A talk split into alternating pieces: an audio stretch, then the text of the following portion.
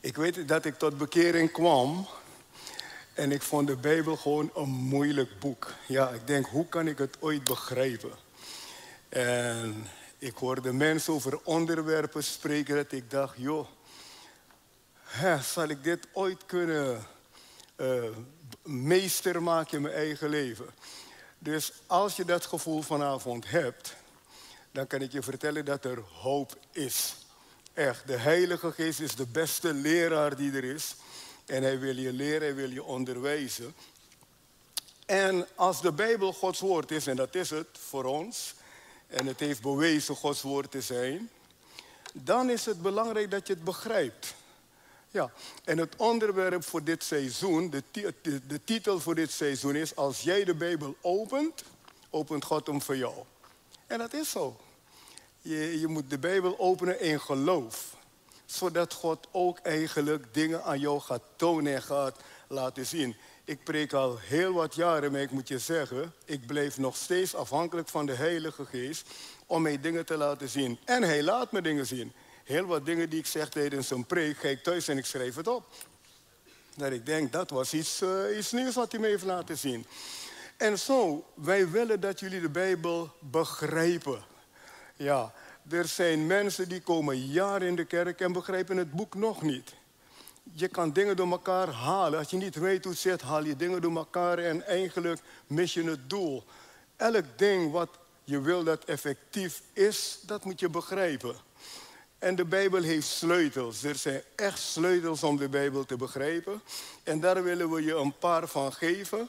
Niet een paar, we willen je belangrijke sleutels geven om, om, om je Bijbel lief te hebben. Ja, je moet het woord lief hebben. Er staat, uh, wie, uh, wie, wie eigenlijk uw woord vindt, vindt rijke buit. Salomon dit 19, vers 162 zegt, je vindt rijke buit. Niet gevonden, je vindt. Dus God wil dat je constant dingen vindt. Oké, we willen je een overview van de Bijbel geven. Een roadmap om de Bijbel te lezen. En dat heeft mij geholpen, deze dingen.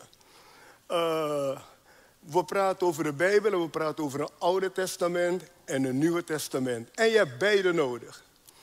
Je hebt het Oude nodig om principes te ontdekken die worden uitgewerkt in het Nieuwe Testament. Uh, het is echt niet zo van ik ben een christen, er is een Nieuw Testament en ik hoef het Oude niet te lezen.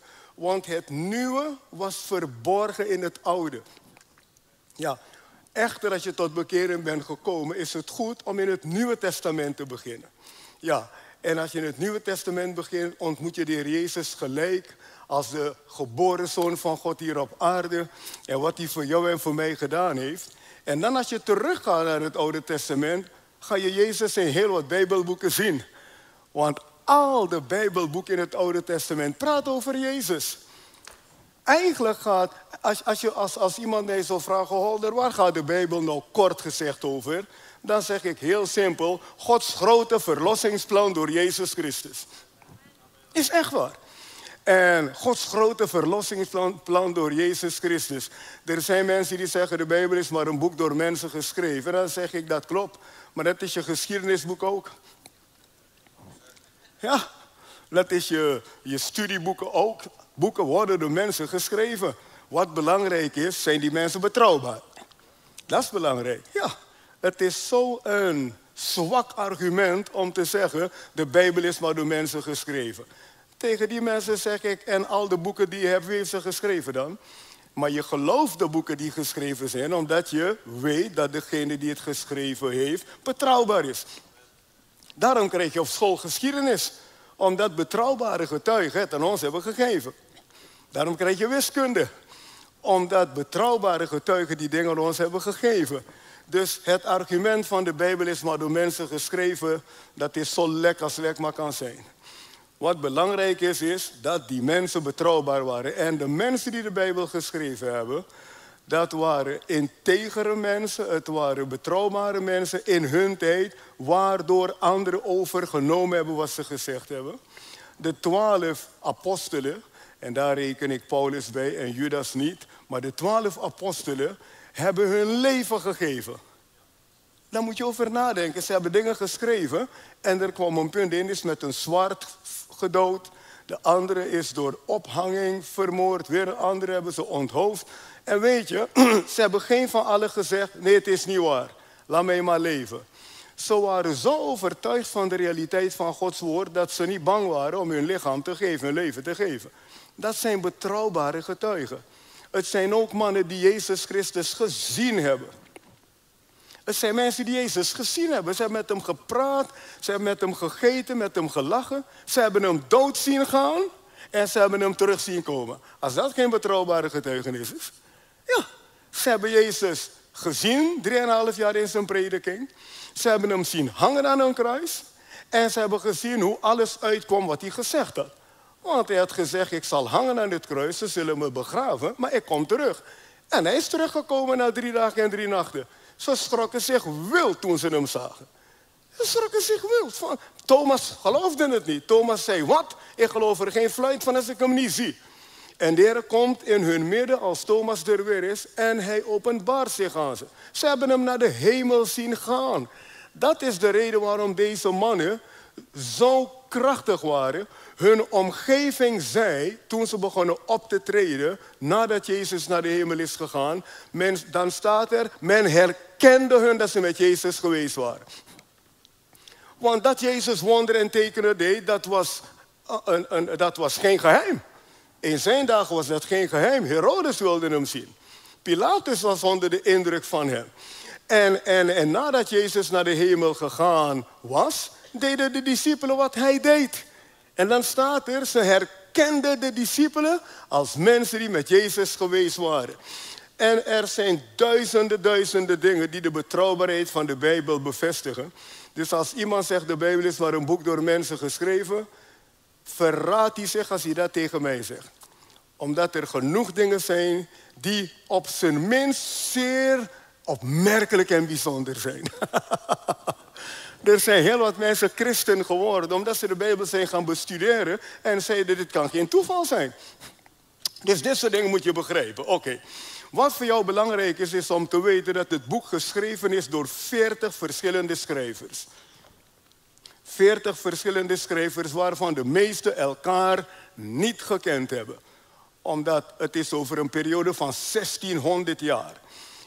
Er zijn dingen om op te schrijven. De Bijbel is geschreven door 40 verschillende schrijvers over een periode van 1600 jaar. Dus dan weet je dat de meesten elkaar niet gekend kunnen hebben. 1600 jaar is best een lange tijd. En die 1600 jaar, dat, dat heeft te maken met beginnende bij Mozes. En Mozes heeft zo geleefd ongeveer 1500 jaar voor Christus. En, en, en dan ga je door naar eigenlijk Johannes. Uh, de Johannes van de, het boek Openbaring. Je komt echt uit op 1600 jaar. En, uh, en 40 verschillende schrijvers die elkaar niet gekend hebben, niet allemaal. En de onderwerpen erin zijn proza, poëzie, geschiedenis, toekomst. Ach, allerlei profetieën die in het boek staan. Je komt medische, medische waarheden tegen in het boek, wetenschappelijke waarheden. Eigenlijk is de, boek een, de Bijbel een heel bijzonder boek. Iemand heeft gezegd, als je naar een uitgeverij gaat en naar een uitgever gaat en je zegt, ik wil een boek schrijven, 40 verschillende schrijvers. Ze hebben geleefd in een periode van 1600 jaar. Het is één verhaal dat die uitgever zegt, denk dat ik gek ben. Want hoe maak je ooit één verhaal ervan? En, en, en, de, en de Bijbel is dat boek. Oké, dus je hebt een Oude Testament en een Nieuwe Testament. En het is belangrijk om te weten waar de plek van het Oude Testament is en waar de plek van het Nieuwe Testament is. Dus de Bijbel is eigenlijk een roadmap. Of tenminste, ik wil je vanavond een roadmap geven. Hè? Een routekaart om de Bijbel te lezen. Nu, de Bijbel bestaat uit 66 boeken. Dat is het basisgegeven, dat moet je weten. Ik weet dat er uh, een evangelist kwam een keer. Hij werd aangehouden door de douane op een luchthaven. En hij zei, ik ben een prediker. Toen zei die man aan de andere kant, hoeveel evangeliën zijn er? Hij denkt, als jij zegt een prediker te zijn, moet je het weten. Hij zei, ja joh, Matthäus, Marcus, Lucas, Johannes. En volgens mij heeft hij hem nog geholpen ook. En zeggen, Hebreeën is ook het vijfde evangelie. Dus toen zei die man aan de andere kant, oké, je, bent, je bent geslaagd. Ik, want sommige mensen kunnen dat misbruiken om hun doel te bereiken. Maar goed, uh, het Oude Testament heeft dus 66 boeken.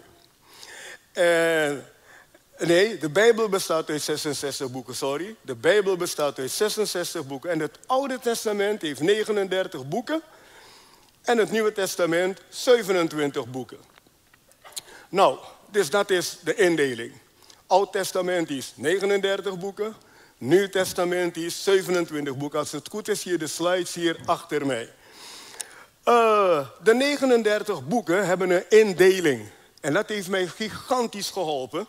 De eerste vijf boeken van de Bijbel, dat is Genesis, Exodus, Leviticus, Numeri en Deuteronomium. Dat noemen ze wel de Pentateuch, eigenlijk oftewel de wet. En dit moet je weten. De eerste vijf Bijbelboeken zijn geschreven door Mozes.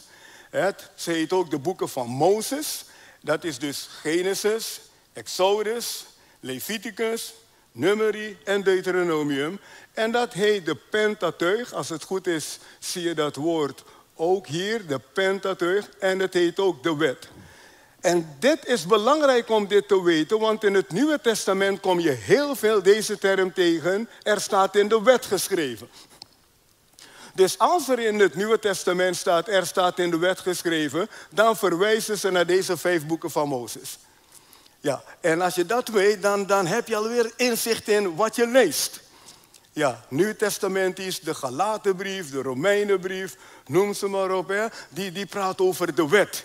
En die laten zien wat, er, wat, wat de wet zegt, uh, wat de wet van mensen verlangt. En dan laten ze ook zien wat de genade is. Ja, dus de eerste vijf Bijbelboeken heten de Pentateuch, hè? En, uh, of de wet. Dat is goed om te weten. En als je een christen bent, hoor je te weten. Uh, er zijn bepaalde vragen die je moet stellen. En die vragen zijn wie, wat, waarom. Schrijf het op als je wil. Het, helpt je ook om de Bijbel te begrijpen. Wie, wat, waarom. Wie spreekt er? Tot wie wordt er gesproken? Wat wordt er gezegd? Waarom wordt het gezegd? Uh, waar gaat het over? Dat zijn goede vragen om te stellen als je de Bijbel leest. Ja, Oud Testamentisch en Nieuw Testamentisch. Tot wie spreekt God hier? Uh, wat zegt hij? Waar gaat het over? Oké, uh, bij de eerste vijf Bijbelboeken is de vraag: wie is aan het woord? Mozes heeft vijf Bijbelboeken geschreven en de vraag die gesteld moet worden is: wie praat daar? En als het goed is, zie je het hier ook op de slide. Wie praat daar? Ja? Wie praat daar? Wie is aan het woord in die vijf boeken van Mozes? Het antwoord is gauw gevonden God. Als je de boeken van Mozes leest, zie je de hele tijd God praten. En de Heer sprak, en de Heer sprak, en de Heer sprak, en de Heer sprak, en de Heer sprak. Dus God kan praten. God kan praten. Er zijn mensen die denken, ja, kan God praten? Als jij kan praten, waarom hij niet? God kan praten. En, en, en God heeft zoveel tot Mozes gepraat, je wordt er bijna moe van als je het leest. En de Heer zei, en de Heer zei, en de Heer zei. Mozes heeft God gezien. Mozes heeft God gezien. was hebben God gezien. De Bijbel zegt ze zagen God. Dus het, was, het waren geen, moet ik het zeggen, dit was geen probeersel van deze mensen. Dat was een reële ontmoeting met God. Denk aan de verlossing in Egypte. Dat was een reële God die door een reële man werkte en Farao op de knieën kreeg en het volk tot bevrijding bracht. Maar goed, ik wil bij de les blijven vanavond. Wie is aan het woord in de vijf Bijbelboeken van Mozes? God. God praat. En hij praat over families, hij praat over geslachten, hij praat over uh, relaties van mensen onderling. Iemand heeft gezegd, in de eerste vijf Bijbelboeken vind je de principes van God. Dat is ook mooi om te weten. Uh, men noemt het de law of first mention. Met andere woorden, de wet van het eerste keer noemen van iets. In de eerste vijf Bijbelboeken vind je dus basisprincipes van God. Daarom moet je het Oude Testament lezen. En iets wat je in, in deze vijf Bijbelboeken leest, geeft de basis voor het verdere begrijpen van die waarheid. Is interessant, hè? Iets wat je leest in de eerste vijf Bijbelboeken geeft de basis voor het begrijpen van deze waarheid, de rest van het boek. En dat noemen ze dus de law of the first mention. Is goed om deze dingen te weten. Oké, dus wie is aan het woord in de Pentateuch, in de wet? God. Nou, als je de Bijbel gaat lezen, kom je gauw erachter dat God daar spreekt. Ja, je ziet ook mensen praten, maar God is degene die zegt hoe het wil en hoe het zal zijn. En dan krijg je na die vijf Bijbelboeken van Mozes, de wet, heb je twaalf boeken van geschiedenis. Je komt twaalf boeken tegen met geschiedenis erin. Hoe is het gegaan met Gods volk oud-testamentisch? Wat is de route die ze gegaan zijn? Ja, twaalf boeken van geschiedenis. En dat is van Joshua tot en met Esther. Van Joshua tot en met Esther, dat zijn geschiedenisboeken die verhalen vertellen die gebeurd zijn. De meeste verhalen in de Bijbel zijn echt gebeurd. Je hebt gelijkenissen, maar dan wordt het ook echt gezegd, dit is een gelijkenis. Maar wat je leest Oud Testament is, is gewoon eigenlijk geschiedenis. Dus dit beantwoordt de vraag van iemand die gezegd heeft, hoe weet ik wat, wat echt is en wat, wat, wat eigenlijk gewoon niet als niet echt is. Nou, dat zijn geschiedenis is echt. Geschiedenis is echt. Je krijgt geschiedenis op school omdat ze je vertellen wat er gebeurd is in het verleden. En zo heb je ook twaalf boeken van geschiedenis, van Joshua tot en met Esther. En de vraag daarbij is, wat? Dus we hebben gezien in de eerste vijf Bijbelboeken dat de vraag is wie. Het antwoord is God is aan het woord. Bij de, bij de geschiedenisboeken, de twaalf geschiedenisboeken, is de vraag wat. En wat gebeurde er? Dit is mooi, dit, dit gaat je helpen, man. Wat gebeurde er met mannen en vrouwen die God gehoorzaamden of niet gehoorzaam waren? Daar gaat het over. Dat is, dat is hoofdzakelijk wat je leest van Genesis tot en met Esther, sorry, van uh, Jozua tot en met Esther. Zie je hoe mensen zijn omgegaan met God en God met mensen. Je ziet hoe mensen gezegend werden die gehoorzaamden. En je ziet hoe mensen die niet gehoorzaamden, eigenlijk hun eigen leven in problemen brachten. God brengt je niet in problemen, je brengt jezelf in problemen. God brengt niemand in problemen. Kijk, als het buiten hagelt en ik zeg je om binnen te blijven, en je gaat toch buiten, en je komt binnen met allerlei bulten, dan moet je niet zeggen dat ik je die bult heb gegeven. Mijn vrouw en ik en het gezin, we waren in Italië jaren geleden. En in één keer, zeg we, zaten in een restaurant, begint het te waaien en ik had nog niks door, want ik wist niet hoe het kon hagelen aan het Gardameer. En ik zag bediendes rennen en deuren sluiten. Ik denk, wat gebeurt hier? In één keer zeg, hagelstenen, man, hele grote hagelstenen. En, en dat ik dacht, hoor, dit is geen zaak om naar buiten te gaan. Je denkt gelijk aan je auto natuurlijk. En er was een andere man die ook aan zijn auto dacht, dus hij wilde naar buiten gaan. Ik zeg, hij was gauw weer binnen. Hij was gauw weer binnen. Hij denkt, dan maar de deuken in de auto, niet in mij. Onze auto was net gatenkaas, om het zo te zeggen. Helemaal allerlei deuken aan alle kanten. Nou, ik was slim om binnen te blijven. Want de restauranthouders hadden de deuren dicht gedaan. Met andere woorden, blijf hier. En als ik toch naar buiten was gegaan en ik was dood gegaan, want die, dat waren echt flinke stenen. Het Gardameer is bekend hierom. hierom. Hebben, kan ik dan zeggen, het restaurant heeft me gedood? Nee, ik ben niet slim geweest. Ik had moeten luisteren. Want ze doen de deuren niet voor niks dicht.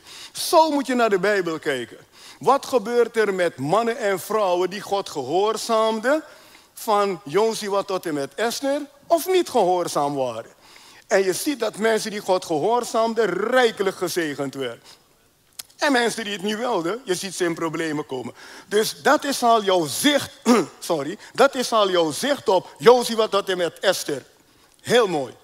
Oké, En dan krijg je daarna vijf boeken van poëzie. De Bijbel, iemand heeft gezegd, de Bijbel is literair heel hoog in de wereld. Het is absoluut zo. Of je een christen bent of niet, als je de Bijbel gaat lezen, moet je zeggen, dit boek is literair heel hoog. De bergreden, daar staan dingen in die niet te evenaren zijn. De bergreden, daar staan dingen in die uniek zijn. Of je christen bent of niet, als je de bergreden leest, Matthäus 5, 6, 7, nou, wauw, kom je een stukje wijsheid tegen, man. Daar kan je winst mee doen als gelovige en als niet-gelovige. Dus je hebt vijf boeken van Mozes, de wet, Pentateuch, twaalf geschiedenisboeken, van Joshua tot en met Esther, en vijf boeken van poëzie, dichtkunst. Als je leest van Job tot en met Hooglied, kom je eigenlijk dichterlijke taal tegen.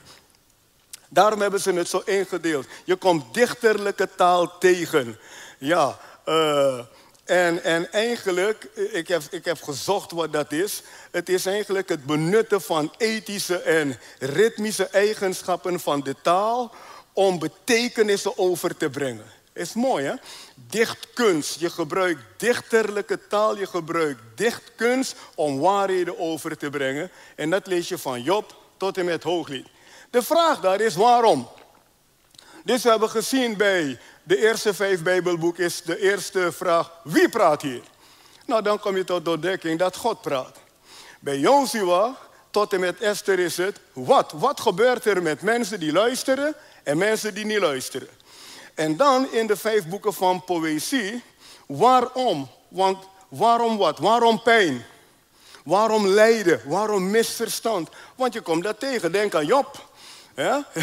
Job is een boek waar je heel veel pijn ziet. Nou, waarom is er pijn? Uh, waarom is er lijden? Waarom is er verdriet? Waarom is er misverstand? En je komt gauw erachter dat het niet God is die mensen pijn wil doen. Maar dat het ook weer te maken heeft met wandelen met God en leren luisteren naar God. Aan de andere kant is er ook een soort pijn die je niet kan ontlopen in dit leven. Dit leven heeft pijn. Als je een christen bent, zullen soms mensen je niet leuk vinden. Met mensen omgaan doet pijn. Als je met mensen omgaat, zal je pijn verdragen hier en daar. Al heb je de beste vriend of beste vriendin, hier en daar zal er pijn voortkomen. Omdat dit in een huwelijk ook gebeurt. Op een werkvloer zullen mensen je pijn doen en jij zal mensen pijn doen. En dat komt omdat een mens zonder God niet in staat is de dingen goed te doen in één keer. Is absoluut zo. In een familie is er pijn, in een kerk is er pijn. Ja, kijk hoeveel afsplitsingen van het christendom er zijn. Is allemaal voortgekomen uit pijn en niet genoeg begrip aangaande wie God is. Want de kerk van de Heer is begonnen als één kerk. En dat het zo verdeeld vandaag de dag is, laat zien hoe, het, hoe lastig het is voor mensen om met elkaar overweg te gaan. En dat geeft niet, want te midden van dat alles moet je toch leren focussen op God. Dus pijn, daar ontkom je niet aan. Maar als je met God wandelt, wil God wel wat aan je pijn doen. En in de poëtische boeken zie je dat, dat God wat aan de pijn wil doen. Hij wat aan de pijn van Israël willen doen, ze willen helpen. Heeft Job willen helpen. Ik bedoel, dat er pijn is, is één ding. Maar het boek laat ook zien dat God wil helpen met je pijn. Vind je dit niet mooi?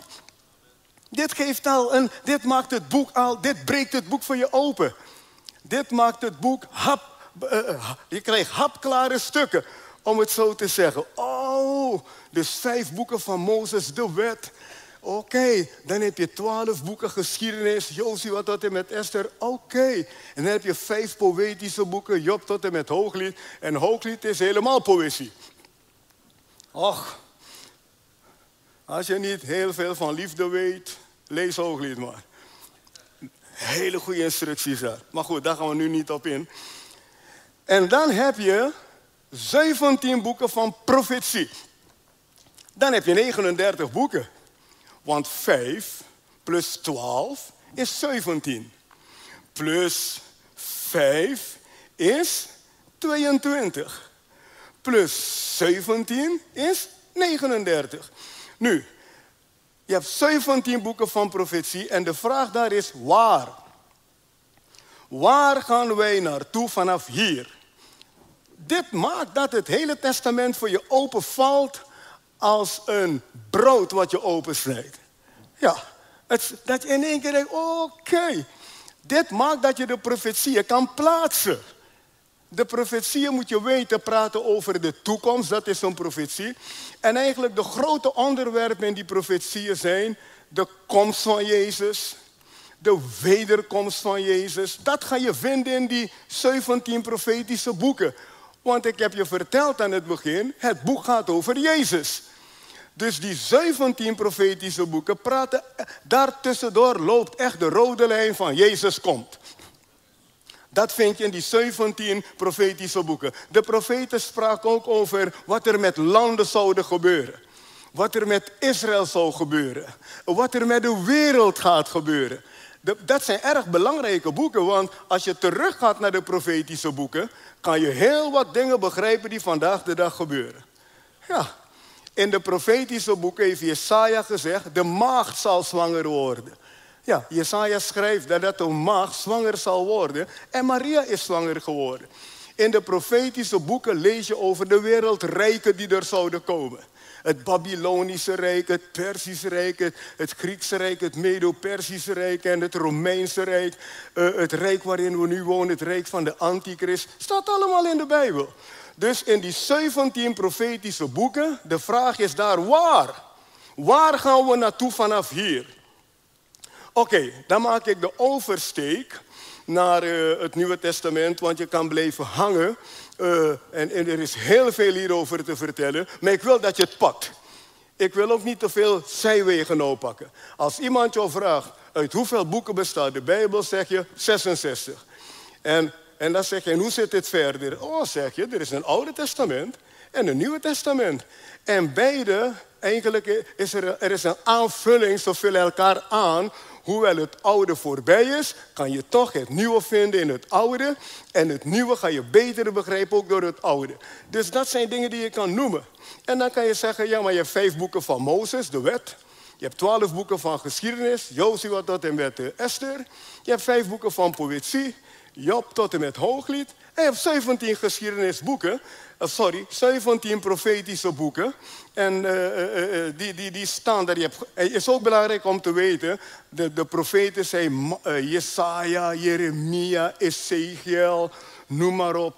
En wat voor jou belangrijk is om te weten, men praat ook over de grote profeten en de kleine profeten. Nou, die term heeft me vroeger in de war gebracht. Ik dacht, de grote profeten, was de een groter dan de andere dan? Maar de grote profeet heeft te maken met de grootte van hun boek. dus je hebt de grote profeet en de kleine profeten. Haggai is een kleine profeet, niet omdat de man klein was, maar zijn boek is gewoon een, twee hoofdstukken als ik me niet vergis. En, uh, en Jesaja is een grote profeet. Hij heeft wel 66 hoofdstukken. Dus dat is goed om te weten bij de profeten. Je hebt de grote en de kleine profeten. Dit maakt het voor jou toch al helder. Dus als je wil weten waar God naartoe gaat met deze wereld, moet je die profetieën gaan lezen. En daar is onderwijs voor nodig, je hebt training nodig, je hebt predikers nodig om je daarin te helpen. En Jezus lost in zijn prediking heel wat profetische dingen op. In Jezus zijn prediking noemt hij heel wat dingen die profetisch gesproken zijn en past het toe in zijn leven en past het toe in de tijd waarin hij leefde. Oké, dan maken we de oversteek naar het Nieuwe Testament. Hoeveel boeken heeft het Nieuwe Testament? Ja, zeg het als, zoals ze het in Afrika zeggen. Hoeveel boeken heeft het Nieuwe Testament? Kijk, dat is het. Oké, nou, en die 27 boeken bestaan uit vier evangeliën. Vier evangeliën, dat is Matthäus, Marcus, Lucas en Johannes. En dit waren vier discipelen van Jezus. Jezus had twaalf discipelen. En deze evangeliën zijn geschreven door vier van zijn discipelen. En de vraag hier is wie? Over wie gaan die evangeliën? Nou, het antwoord is heel gauw gegeven. De evangeliën gaan over Jezus Christus. En in deze vier evangeliën kom je regelmatig dingen tegen. Uh, laat ik zo, die, die, er zijn dingen die in alle vier boeken voorkomen. En soms belicht de ene schrijver het vanuit een bepaalde hoek, de andere vanuit een bepaalde uh, kijk, maar het is, hetzelfde, het, is die, het is hetzelfde verhaal. En die het verhaal vertellen over het leven van Jezus en ze vullen elkaar aan. Dus de vier evangelieën, over wie gaat het? Jezus Christus. En eigenlijk het hele Oude Testament gaat ook over Jezus Christus, maar daar hoor je meer over straks. En na de vier evangeliën krijg je het boek Handelingen. Ja, het is dus Matthäus, Marcus, Lucas, Johannes. En dan kom je vanzelf in Handelingen. En het boek Handelingen zegt het al, dat zijn handelingen van Gods geest en handelingen van gelovigen. Het boek Handelingen laat je zien hoe de geest handelt door gelovigen heen. Ja, uh, en, en, en waar gaat het boek Handelingen over? Wat is daar aan de hand? Het antwoord is de uitstorting van de Heilige Geest. Dat staat centraal in het hele boek. En beheerst het hele boek. En beheerst de levens van mensen die zich overgeven. En als het goed is, is het boek van Handelingen nog steeds gaande. Want Jezus is nog niet teruggekomen. Dus jij en ik moeten het boek Handelingen zien als de geest van God die ons wil helpen om te leven naar de wil van God. Is mooi hè? Het boek Handelingen is dus één boek. Wat? De uitstorting van de Heilige Geest. De vier evangeliën. Wie? Gaat over Jezus Christus. En dan krijg je 21 brieven. 21 brieven. En 13 van die brieven zijn door Paulus geschreven. 21 brieven. Uh, en die brieven die zijn eigenlijk daar uh, uh, om mensen inzicht te geven. De vraag bij die brieven is waarom? Waarom zijn die brieven geschreven? Waarom leed Jezus? Waarom begrijpen mensen elkaar niet? Waarom wordt de kerk vervolgd? Dat vind je in de 21 brieven. De 21 brieven vertellen ons dus waarom Jezus leed. Waarom mensen elkaar niet begrijpen? Als jij wil weten waarom mensen elkaar niet begrijpen, lees de brieven van Paulus maar. Kom je gauw eruit. En dan, waarom wordt de kerk vervolgd? En de bedoeling van de 21 brieven is ook om jou te helpen te leven in het volbrachte werk van Jezus. Is belangrijk dit. Uh, de 21 brieven zijn daar om jou en mij te helpen te leven in het volbrachte werk van Jezus Christus. Je positie te kennen. Te weten wat hij heeft toevertrouwd. Je erfenis te kennen. Is krachtig. Daarom, waarom leed Jezus? heeft met al deze dingen te maken. En waarom begrijpen mensen elkaar niet? Omdat mensen niet altijd hun plek innemen in Christus. Waarom wordt de kerk vervolgd? Nou, dan kom je gauw tot de ontdekking dat de duivel jou en mij wil uitschakelen, want wij zijn kinderen van de Allerhoogste God. Dus je hebt 21 brieven, 13 zijn door Paulus geschreven en, en de andere door andere apostelen. En de vraag is waarom? Waarom leed Jezus? Waarom begrijpen mensen elkaar niet? Waarom wordt de kerk vervolgd? En dan heb je één boek van openbaring. Het is niet openbaringen. Ik hoor mensen willen zeggen, het boek openbaringen. Maar het is één grote openbaring. Het is de openbaring van Jezus Christus die hij geeft van Johannes, zijn apostel, hoe de eindtijd zal zijn, hoe de dingen zullen gaan. Dus het, het zijn meerdere openbaringen, maar het is één grote openbaring. Is één groot verhaal uh, die hij daar ontvangt van God. Hij ziet Jezus, hè? de Heer Jezus neemt hem op in de hemel. En deze man heeft dingen geschreven. Het is de moeite waard om het boek Openbaring te lezen. Al begrijp je niet alles, het zal je een inzicht geven over de eindtijd waarin we leven. En het boek Openbaring is niet iets waar je zo eventjes zo'n zondagmorgen over kan preken. Daar heb je bijbelschool voor, voor nodig. Omdat is dus een groot, groot verhaal. Maar tussendoor noemen we wel degelijk die dingen. En waar gaat het boek Openbaring over? Van waar, waarheen vanaf hier. Dus het boek Openbaring is waarheen vanaf hier. Ja, waarheen vanaf hier. En, en, en dat heeft te maken met je eeuwige toekomst. Het heeft te maken met de wederkomst van Jezus. Het heeft te maken met uh, de opname van de gemeente. Het heeft te maken met ja, de oordelen die over deze wereld zullen komen. Het heeft te maken met het duizendjarig rijk. Waar Jezus met de heilige uh, zal heersen, duizend jaren lang. Het heeft te maken met eigenlijk een nieuwe hemel en een nieuwe aarde die komt. Al die dingen vind je in het boek Openbaring. Oké, nou uh, een paar krachtige sleutels. In het Oude Testament is Jezus komende. Ja, in het Oude Testament is Jezus komende. Het Oude Testament zegt dus, hij komt. In het Nieuwe Testament, in de evangelie en de brieven, is hij gekomen. Dit geeft een overview over de Bijbel en helpt je om heel snel toch het boek te pakken.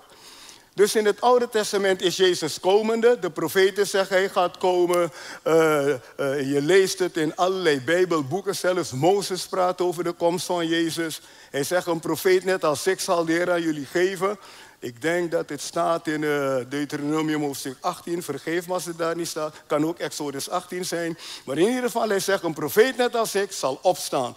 Dus in het Oude Testament, Jezus is komende. In de evangelie en de brieven is hij gekomen. In de openbaring komt Jezus terug. Hoeveel hier geloven dat Jezus terugkomt? Absoluut, kan je niet tegenhouden. Zijn eerste komst was wonderbaarlijk en zijn tweede komst zal ook wonderbaarlijk zijn. Dus in het Oude Testament, Jezus is komende. In de evangelie en de brieven is hij gekomen. In de openbaring komt Jezus Christus terug. Uh, in het Oude Testament zie je Jezus Christus door type beelden. Ook goed om op te schrijven. Want Jezus is ook in het Oude Testament. In het Oude Testament zie je Jezus door allerlei type beelden. Door een hoge priester. Hè? Je komt hem tegen in de, in de vorm van een profeet. Want hij is de profeet. Uh, je komt Jezus tegen in de ark. Hè? Mozes heeft een ark gebouwd, dat ging over Jezus Christus. Dus in het ah, vijf broden, vijf toonbroden in de ark. Ik hoop dat het vijf waren, het kan niet twee zijn. Ik denk twee, twee toonbroden. En die broden praten over Jezus Christus. Je hebt, je hebt meerdere beelden in de hele tabernakel. Eigenlijk spreekt over het leven van Jezus en zijn gemeente. Maar goed, Jezus Christus zit in het Oude Testament dus in typebeelden. Daarom heb je het Oude Testament nodig om die dingen te begrijpen, want die geven licht op wie hij is. Maar je moet beginnen met het Nieuwe Testament, want dan is het makkelijker om Jezus te vinden in het Oude Testament. Oké, dus Jezus Christus uh, in de brieven en in de evangelie is hij gekomen. En Jezus in de brieven, Jezus Christus in de brieven, je, je vindt hem door de bediening van de Heilige Geest. Dat is ook belangrijk om te schrijven. Jezus Christus in de evangelie. Oh nee, sorry, ik zeg het, ik, ik spring even een stap, ik, ben, ga een beetje te snel. Je hebt Jezus Christus in het Oude Testament door typebeelden. En in het Nieuwe Testament zie je Jezus Christus in de evangelie door persoonlijke verschijning. Dat is het. Dus in het Oude Testament zie je Jezus Christus door typebeelden. En in het Nieuwe Testament zie je Jezus Christus door persoonlijke verschijning. Jezus Christus in de brieven, hij is ook in de brieven, en daar zie je hem door de bediening van de Heilige Geest. Belangrijk hè? Jezus Christus in de evangelie is hij persoonlijk daar. Hij staat op aarde als mens. En in de brieven zie je hem door de bediening van de Heilige Geest. Want toen hij naar de hemel ging, zei hij: Ik ga maar de Heilige Geest zal komen. Dus in de brieven zie je de Heilige Geest die het werk van Jezus voortzet en het volbrachte werk uitwerkt in jouw leven en in mijn leven. En in het, in, de, in het boek Openbaring zie je Jezus Christus dat hij de wereld regeert met zijn gemeente, met zijn kerk, met zijn heiligen voor eeuwig. Dat is mooi hè? In de openbaringbrief zie je dat uiteindelijk Jezus de wereld regeert Dat is, niet de dat is niet meer de NAVO die regeert, of Brussel, of Tweede Kamer hier. Voorlopig hebben we met ze te doen. Maar straks is het Jezus Christus en zijn gemeente, oftewel zijn kerk, oftewel de heilige, is hetzelfde. De kinderen van God worden genoemd de gemeente, worden de kerk genoemd, Ecclesia, en we worden heiligen genoemd. En voor eeuwig zullen we met hem heersen. En dit is eigenlijk in grote lijnen de, de, de overview, of het overview van de Bijbel. Ik hoop dat dit je helpt en je hongerig maakt om meer te weten. Er is natuurlijk nog heel wat te vertellen. Uh, ik heb hier wat dingen opgeschreven, maar ik weet niet of ik het je in een soort vogelvlucht moet geven. Ik zou bijna willen voorstellen om dat de volgende keer met je door te nemen en dan het te hebben over het openen van Gods woord. Dat jij het doet en dat God het voor jou opent. Want ik wil je toch uh, de tijd nemen om het aan je te geven. Wat wil ik je de volgende keer geven? Ik wil je de volgende keer laten zien grote gebeurtenissen die in de Bijbel gebeurd zijn voor Christus en grote gebeurtenissen die gebeurd zijn na Christus. En ik wil belangrijke items uit het Oude Testament aan je geven. Een van die woorden is de ballingschap. Dat moet je weten. Want de Israël is in ballingschap gegaan, eigenlijk zelfs wel drie keer. Eh, ze gaan een keer naar Assyrië, dan gaan ze naar Babel en dan heb je de diaspora. Maar al die dingen wil ik de volgende keer aan je geven, zodat je inzicht hebt in, in het plan van God, ook met Israël, hoe dat gegaan is en hoe eigenlijk ja, God heel wat moeite heeft gehad om toch het volk bij elkaar te houden, om Jezus te laten komen. Ik wil je wat grote gebeurtenissen laten zien, uh, uh, waardoor dat hele verhaal ook voor je uh, uit elkaar open gaat. Dat je zegt, oh, zo zit het in elkaar. Nou, wij geloven vanavond dat we genoeg genoemd hebben. En hoeveel hebben er wat aan gehad vanavond? Ja, en, en, en ga het rustig bekijken. Je kunt het weer vinden op onze Insta, deze indeling. Er zijn verschillende vragen binnengekomen. En ik wil er eentje van pakken. Hoe leg je verbanden tussen verhalen, bijbelteksten van het Oude en het Nieuwe Testament? Eigenlijk heb ik het antwoord al half-half gegeven. Om verbanden te leggen moet je eerst begrijpen de plek van Jezus de plek van Jezus in het Nieuwe Testament. En dan ga je het Oude Testament lezen. Dan ga je de verbanden zien. Zal ik een voorbeeld geven? Als je weet dat Jezus gekomen is om, om jou te verlossen, dat vind je terug in Joshua. Want Joshua is de Hebreeuwse naam voor Jezus. Het is precies dezelfde naam. En Joshua heeft het volk in het beloofde land gebracht. En Jezus is gekomen om jou en mij in onze erfenis te brengen. Ik, ik, ik geef een voorbeeld om je te laten zien dat de verhalen van het Oude en het Nieuwe Testament echt linken bij elkaar. Maar jij moet weten hoe het zit. En dat is dus een mooie vraag. Hoe leg je verbanden tussen verhalen, bijbelteksten van, de, van het Oude en het Nieuwe Testament? Begin het Nieuwe te lezen. Begrijp wie Jezus Christus is. Begrijp wat hij voor je is komen doen. En dan in het Oude Testament zie je heel wat levens, profeten, uh, priesters, uh, koningen, die eigenlijk je laten zien wie Jezus is. Is erg mooi. Oké, dus dat is één vraag die we hebben meegenomen. Dan is er nog een vraag, die pak ik ook even nog mee. Hoe kan je de Hebreeuwse versie opzoeken? Nou, eigenlijk in onze taal, in onze Nederlandse taal, is eigenlijk uh, de, hoe heet het? Uh, niet de NBG, maar de, het oude, hoe heet de Statenvertaling, dankjewel Bas. De Statenvertaling komt het dichtst bij de grondtekst.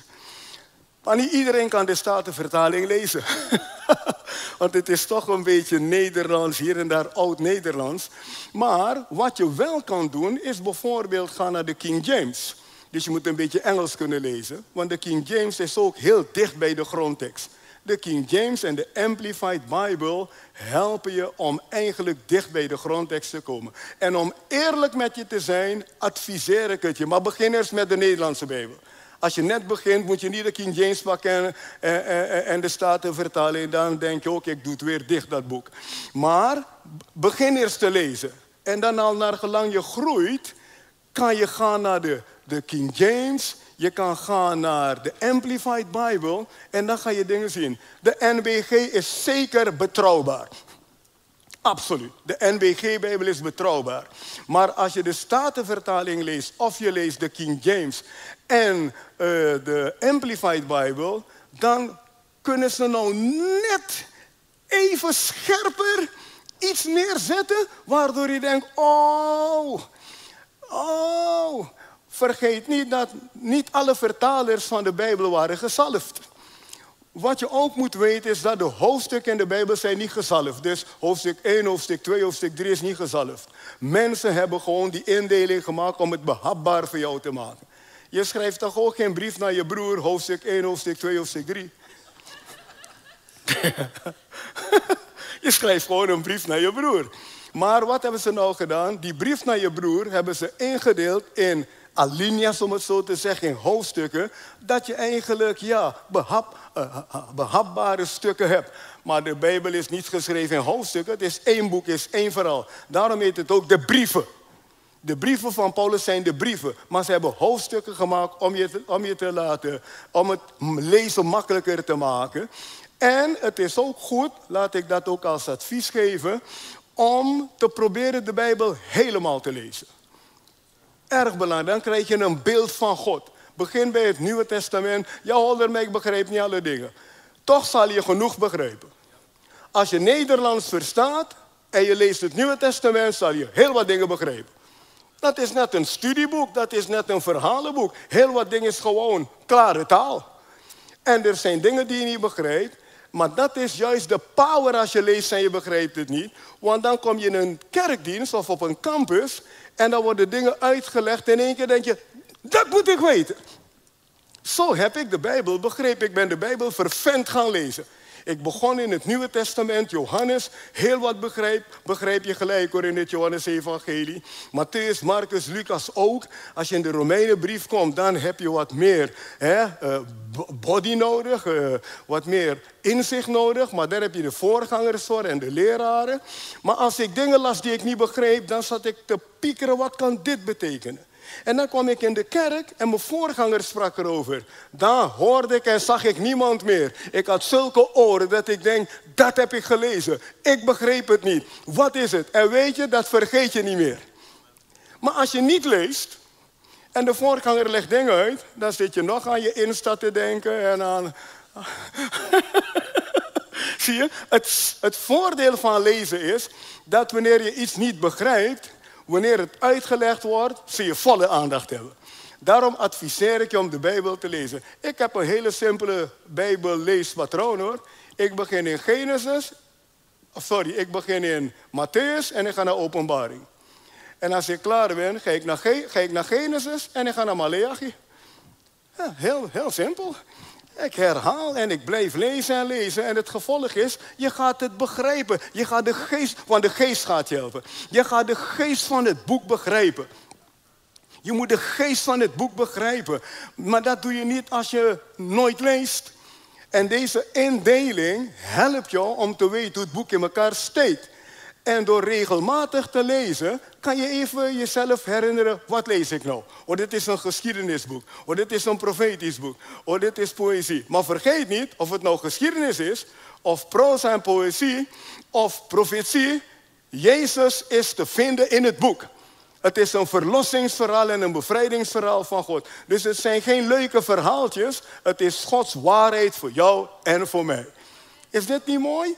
Dit maakt de Bijbel aantrekkelijk voor mij. En, en ik lees nog steeds de Bijbel. Ik ben een vervente Bijbellezer. Of ik luister naar Bijbelboeken. Want vandaag de dag kan je ook luisteren. Eigenlijk doe ik beide. Ik luister en ik lees. Uh, naar gezonde predikingen luisteren zal je ook helpen. En we leven in een tijd waar er zoveel kennis is en zoveel Bijbelboeken ook in het Engels. Man, je kan je, je winst ermee doen. En als je dingen niet begrijpt, vraag het aan je leider, want daar zijn ze voor. En als iemand jou iets vraagt van de Bijbel en je weet het niet, zeg dan niet zomaar, ik weet het niet, want dan maak je ook een indruk alsof je niks weet. Je kan zeggen, ik ga het even onderzoeken voor je. Dat klinkt net iets anders. Ja toch? Want je wil iemand winnen voor Jezus en die vraagt je drie dingen. Ik weet het niet, ik weet het niet, ik weet het niet. Dan denk je, wat geloof jij? Geloof jij, ik weet het niet? Of geloof je in God? Maar mensen vragen mij ook dingen waar ik niet gelijk het antwoord op weet. Dan zeg ik, je gaat onderzoeken. Ik, dit is een studie waar ik toch wat meer aandacht aan moet geven. En dan kan je naar een andere prediker gaan. Je kan naar je concordantie gaan. Je kan naar Bijbelcommentary gaan. Die zijn er vele van, hele goede. Je kan het vragen aan andere christenen. Maar zeg niet zo gauw, ik weet niet. Anders noemen ze je, noemen ze je een ik weet niet christen. Dus je komt niet sterk over. Zie je? Je komt niet sterk over. Wat dat dan gaat, kan je een voorbeeld nemen aan de moslims hoor. Ze leren hun kinderen al om de, om, om de Koran te lezen. Ja, op gezette tijd. Ik zat in het vliegtuig een keer naar Suriname met een imam naast mij en zijn zoon. En op gezette tijden zat hij met die zoon te lezen. Ik denk, zo, dat kunnen wij christenen een voorbeeld aan nemen. We leggen het niet op, het is niet wettisch, maar je moet het verlangen hebben om toch Gods woord te kennen. Als de Bijbel Gods woord voor jou en voor mij is, zijn we niet verstandig om het niet te lezen. Als de Bijbel over jouw verlossing en mijn verlossing gaat, zijn we zeer onwijs om het te laten liggen. En maak het vooral ook niet af met het is te moeilijk. Weet je hoeveel moeilijke dingen je op school moet leren? Ja? Ik heb op school vakken gehad die niet leuk waren, maar ik wilde overgaan. Dus wat deed ik? Ik zorgde ervoor dat ik geholpen werd. Maak jezelf ook niet gek met Psalm 119 is zo'n lange psalm. Ik kan je vertellen, als je zo praat, lees je het niet meer. Want je hebt jezelf vals geprogrammeerd. Je kan zeggen, Psalm 119 is een van de mooiste psalmen die er is. En zo is het ook hoor. Het is een van de mooiste psalmen. De kortste psalm staat midden in het boek, is psalm 117. Loof de Heer, alle gij volken, prijs hem, alle gij natieën. Want zijn goede tierenheid is machtig over ons. Nou, dat is het. Ja. Ik hoor iemand zeggen, als ik toch lees, ga ik psalm 117 lezen. Nee. lees het hele boek, man. Kom op, kom op, kom op, kom op. Oké. Nou, volgende maand, dan ga ik ermee door. Want het is nog een klein stukje wat ik je wil geven. En dan ga ik met je praten over het boek openen. En ik wil laten zien hoe God het boek voor jou opent.